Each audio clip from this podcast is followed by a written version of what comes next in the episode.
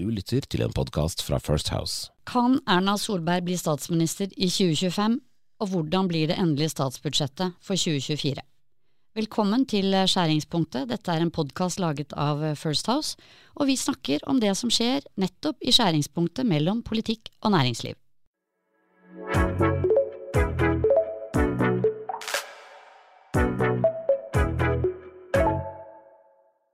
Mitt navn er Cecilie Ditlev Simonsen. Jeg er partner i First House, og det er de to jeg har med meg i studio også. Og det er eh, kollega Sigbjørn Aanes Hei, hei.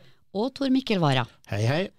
Tor Mikkel er rett og slett stand-in for Jon Georg Dale i dag. Vi skal komme tilbake på, til hvorfor han ikke er her. Ok, manflu, men eh, vi kommer til det.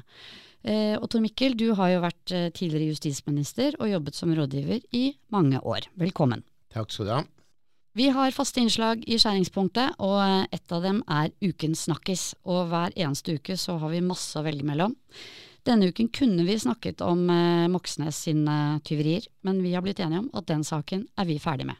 Og det bringer oss raskt til Erna Solberg. Hun eh, har sagt at hun fortsetter som partileder og ønsker å være statsministerkandidat for Høyre i 2025. Og da ser jeg på deg, Sigbjørn, eh, og har lyst til å spørre deg. Kan Erna bli statsminister, tror du? Og kanskje enda mer interessant, kan Sindre Finnes bo i statsministerboligen?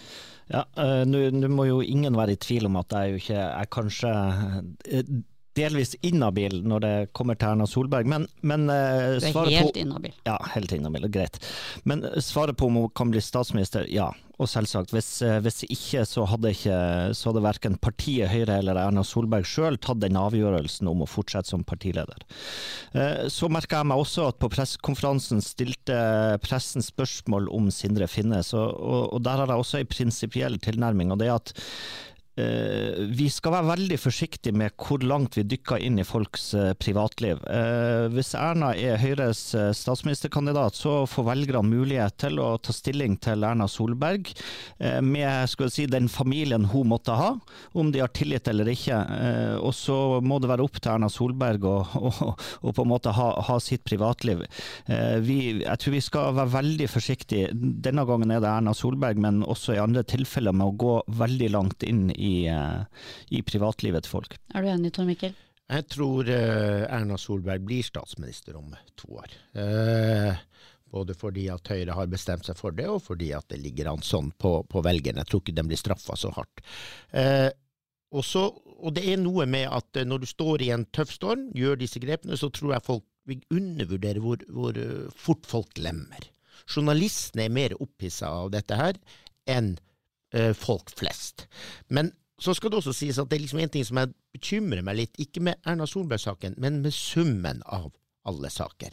For vi har hatt habilitetssakene, og vi har også hatt saker om pendlerboliger og reiseregninger, og frem til Erna Solberg-saken. Og det er klart at det er ikke bra hvis vi i Norge får en slags eh, folkemening på bakkeplan hvor man sier at disse politikerne er noen sleipinger som lurer seg unna alt. Så det er mer en generell problem.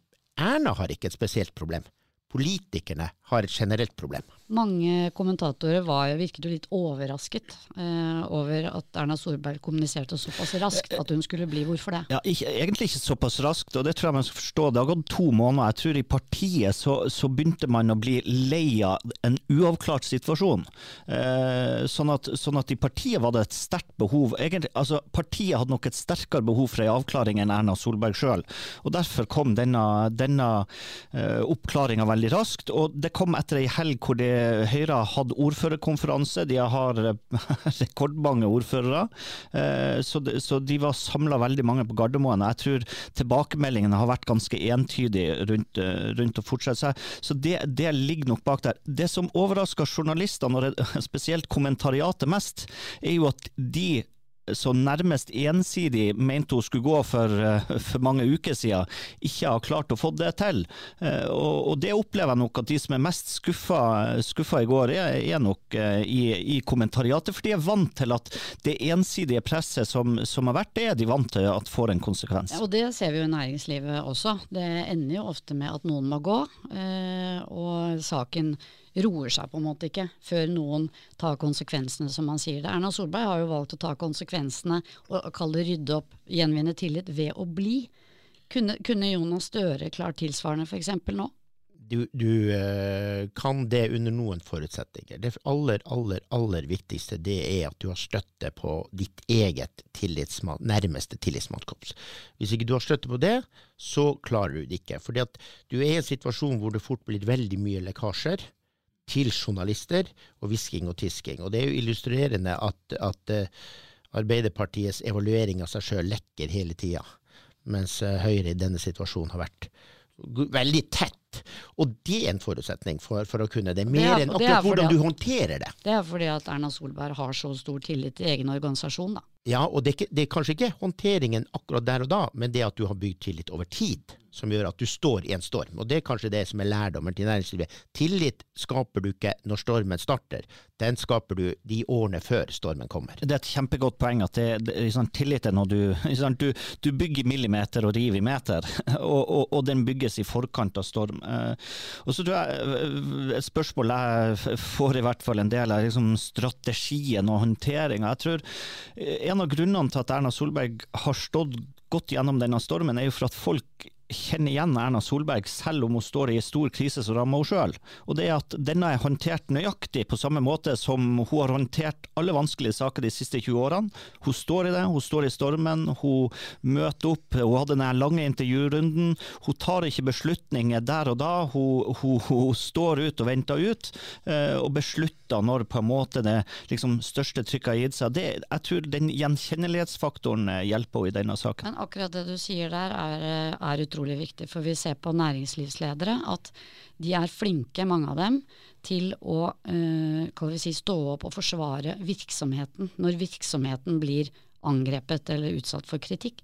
Men når deres egen dømmekraft eh, blir stilt spørsmål ved egen dømmekraft eller integritet, så er det mye vanskeligere. Og de aller Ja. fleste gjør så mange feil fordi man tar det så personlig. Det er da det ofte går galt, det er jo når du blir, blir for involvert. Da er det da du trenger folk fra utsida som har et kaldt hode og ikke er, er tilknytta. Så, så det, det er alltid, alltid det vanskelige. Sånn håndtering. Og så er det en, en annen ting. Jeg syns for ofte, både i politikken og næringslivet, så når du har vanskelige saker, så, så skal man lage strategier og prøve å være for smart. Det, det, altså, håndtering av vanskelige saker. Er ikke det vi lever av? ja, men det er ikke Jo, nei, men det er du, du, du vil alltid prøve å liksom vri litt på det, eller kutte et hjørne og runde litt av, men, men, men man skal ikke undervurdere å si ting som det er. Altså, jeg tror at det er en stor forskjell på, på næringslivsledere og politikere, og det er rett og slett at politikere er bedre trent. Altså, Helt fra ungdomsorganisasjonen og partiene, så er de vant til at du får et press på person, av og til usaklig, av og til personlig, og det går over. Næringslivsledere er vant til å stå frem for bedriften, så når det blir personlig for dem, så blir det mye mer et angrep på deres integritet. Og de tar det nok mye mer personlig og opplever det som mye mer sårende enn en politiker, for politikere har tykk hud. Og det betyr at for en næringslivsleder så er det mye større sjanse for faktisk å gjøre noe dumt. Og næringslivsledere omgir seg jo eh, kanskje med folk som eh, er vant til å heie på dem og være enig med dem, mens politikere opplever motstand hele tiden. Ja. Siste, før vi skal videre, så siste spørsmål. Eh, kontroll- og konstitusjonskomiteen på Stortinget har jo hatt sin høring. Eh, Med da en rekke av disse habilitetssakene og aksjehandelssakene.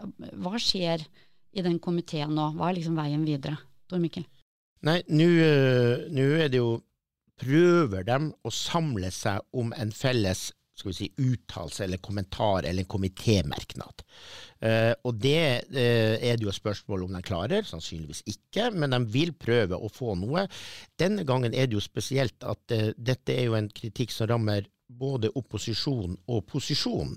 Så man kan tenke seg at det er en mulighet for å skrive seg sammen om noen ting. Eh, og det er da to ting. Det er kritikk av det som har skjedd, og det andre er si, råd og planer for hvordan det bør se ut i fremtiden. Denne uken startet eh, budsjettforhandlinger mellom Arbeiderpartiet og SV om statsbudsjettet for neste år. Og eh, aller først dere, vi prøver jo å dele litt eh, innsikt og erfaring i disse sendingene. Jeg ser på deg Tor Mikkel først. Hvordan foregår en sånn prosess? Nå har eh, SV lagd sitt alternative statsbudsjett, og det er liksom SVs forsøk å sette alt i sammenheng. Sånn at de ikke bare bruker penger, men de skal også vise hvor du tar penger fra det. Derfor man lager et budsjett, i hvert fall én gang i året. og så har man presentert det, og så skal Arbeiderpartiet og Senterpartiet i regjeringen forhandle med SV, fordi at Arbeiderpartiet og Senterpartiet har ikke flertall på Stortinget. Det, det, det de har regjeringen lagt frem, er ikke vedtatt før SV stemmer for. Uh, og så begynner forhandlingene. Og her har de forberedt seg. Det er klart at SV har tenkt hva de vil si er det viktigste. Regjeringen på sin side har forberedt seg på hva de kan tenke seg å gi. Og de vet jo omtrent hva SV vil kreve. Ja, og de har omtrent tenkt seg om hva, hvor kan vi gi etter. Så det har de en del på, og de har også tenkt hvor vi ikke skal gi etter. Og Det er det som er, er forhandlingene nå. Altså. Og, og, og, det foregår på den måten at, uh, som, som Tor Mikkel sier her, at uh, SV har lagt fram sitt alternative budsjett. Uh, og da, da, setter regjeringspartiene seg ned, og så lager de ei skisse til et kan du si, tilbud til SV, basert på, på, både SVs alternative budsjett, men også hva regjeringa i forkant har tenkt at her, her, skal vi, her, skal vi, gi.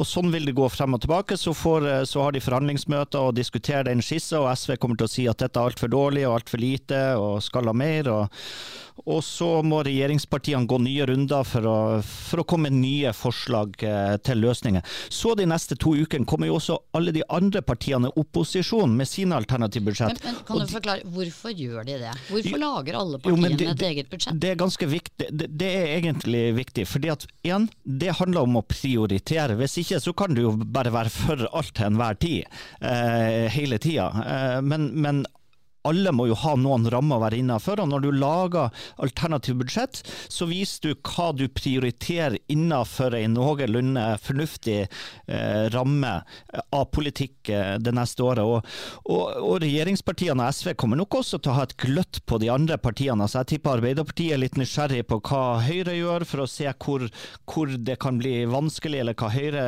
ser framover. Det kan SV gløtte litt på Rødt og MDG, eh, Venstre typisk, på, på klimapolitikk, så, så, så, man vil gløtte litt på de andre. Men dette vil nå pågå i ukevis, og så vil de selvfølgelig ikke rekke fristene sine og gå over fristene, for sånn er det ofte i forhandlinger.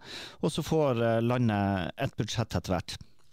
Um, litt av bakteppet her er jo eh, skal vi si, uro rundt oss i verden, men uh, også i norsk økonomi. Og eh, folks kjøpekraft, husholdningenes kjøpekraft, er jo et tema som bekymrer politikerne. Hvor, hvor mye spiller det inn i skal vi si, klimaet i disse forhandlingene? Nei, altså, kan si Overordna så det er jo sånn at det er fire måter å finansiere nye velferdsløfter og utgifter på. Eh, du kan øke skattene, altså nye skatter eller økte skatter. Du får eh, den kan du si, høy skatteinngang eller ta utbytte fra statlige selskap. Så kan du redusere eh, annen velferd eller andre utgifter, altså kutte utgift for å skape handlingsrom for nye utgifter, eller du kan øke oljepengebruken. Det vi, det vi nok ser nå, er der regjeringa i fjor var veldig veldig opptatt av skulle ha et stramt budsjett pga. renta, så har de lagt bort den retorikken rundt stramhet og snakket om viktigheten at folk er i jobb. I fjor fikk vi et veldig, eller de to foregående årene har det vært veldig høye skatteøkninger. Altså Vi hadde større skatteøkning på to år enn eh, Solberg klarte å gi skattelettelse på åtte år. Eh, det har regjeringa fått mye pushback på, så, så, så, de er nok ikke ivrige på å øke skattene mye. Det, derimot så kommer det nok eh, til å bli en del oljepengebruk fordi at kanskje velgerne straffer det mindre. Men det som også er nytt, er at der det har vært veldig snakk om eh, bare økninger, velferdsøkninger tidligere, så er nok folk mer opptatt av egen økonomi nå.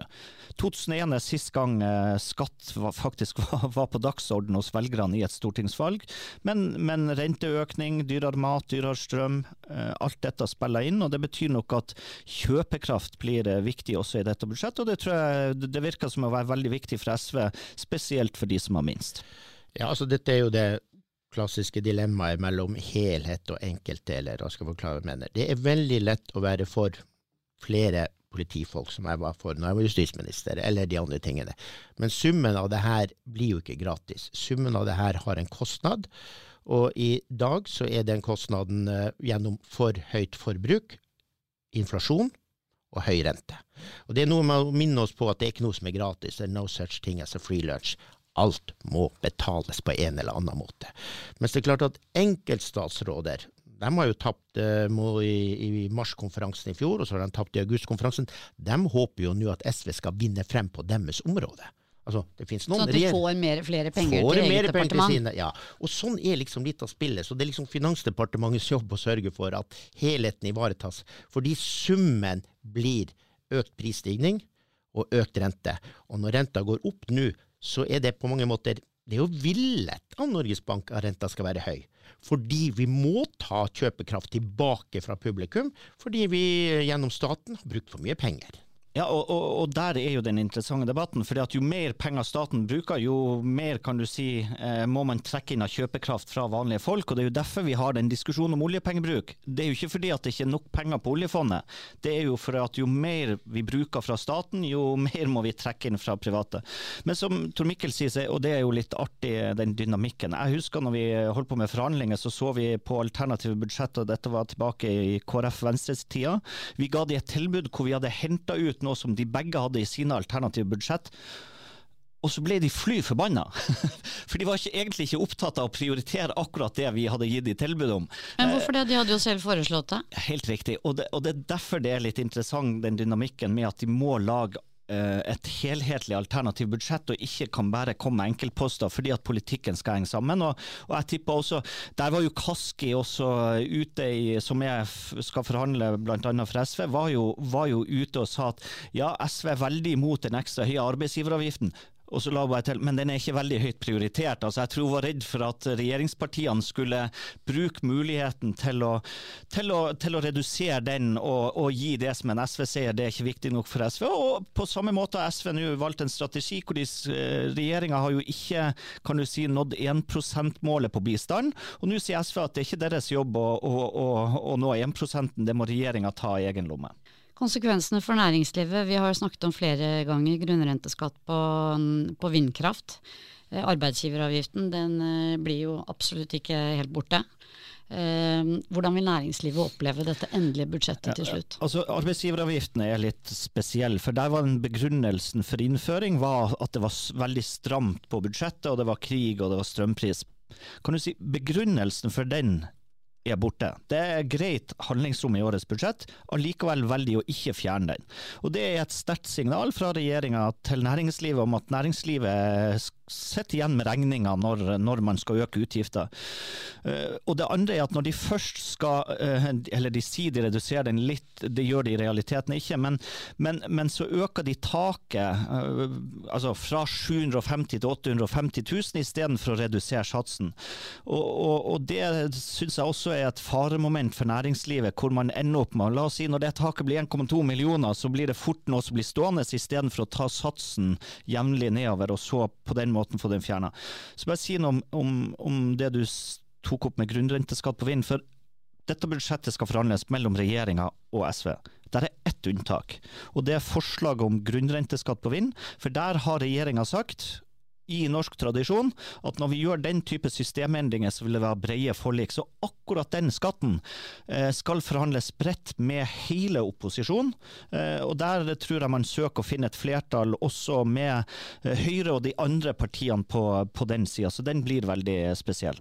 Ja, nei, altså det er, det er noen som må betale. Det er publikum, men i fjor var det nok mye næringslivet.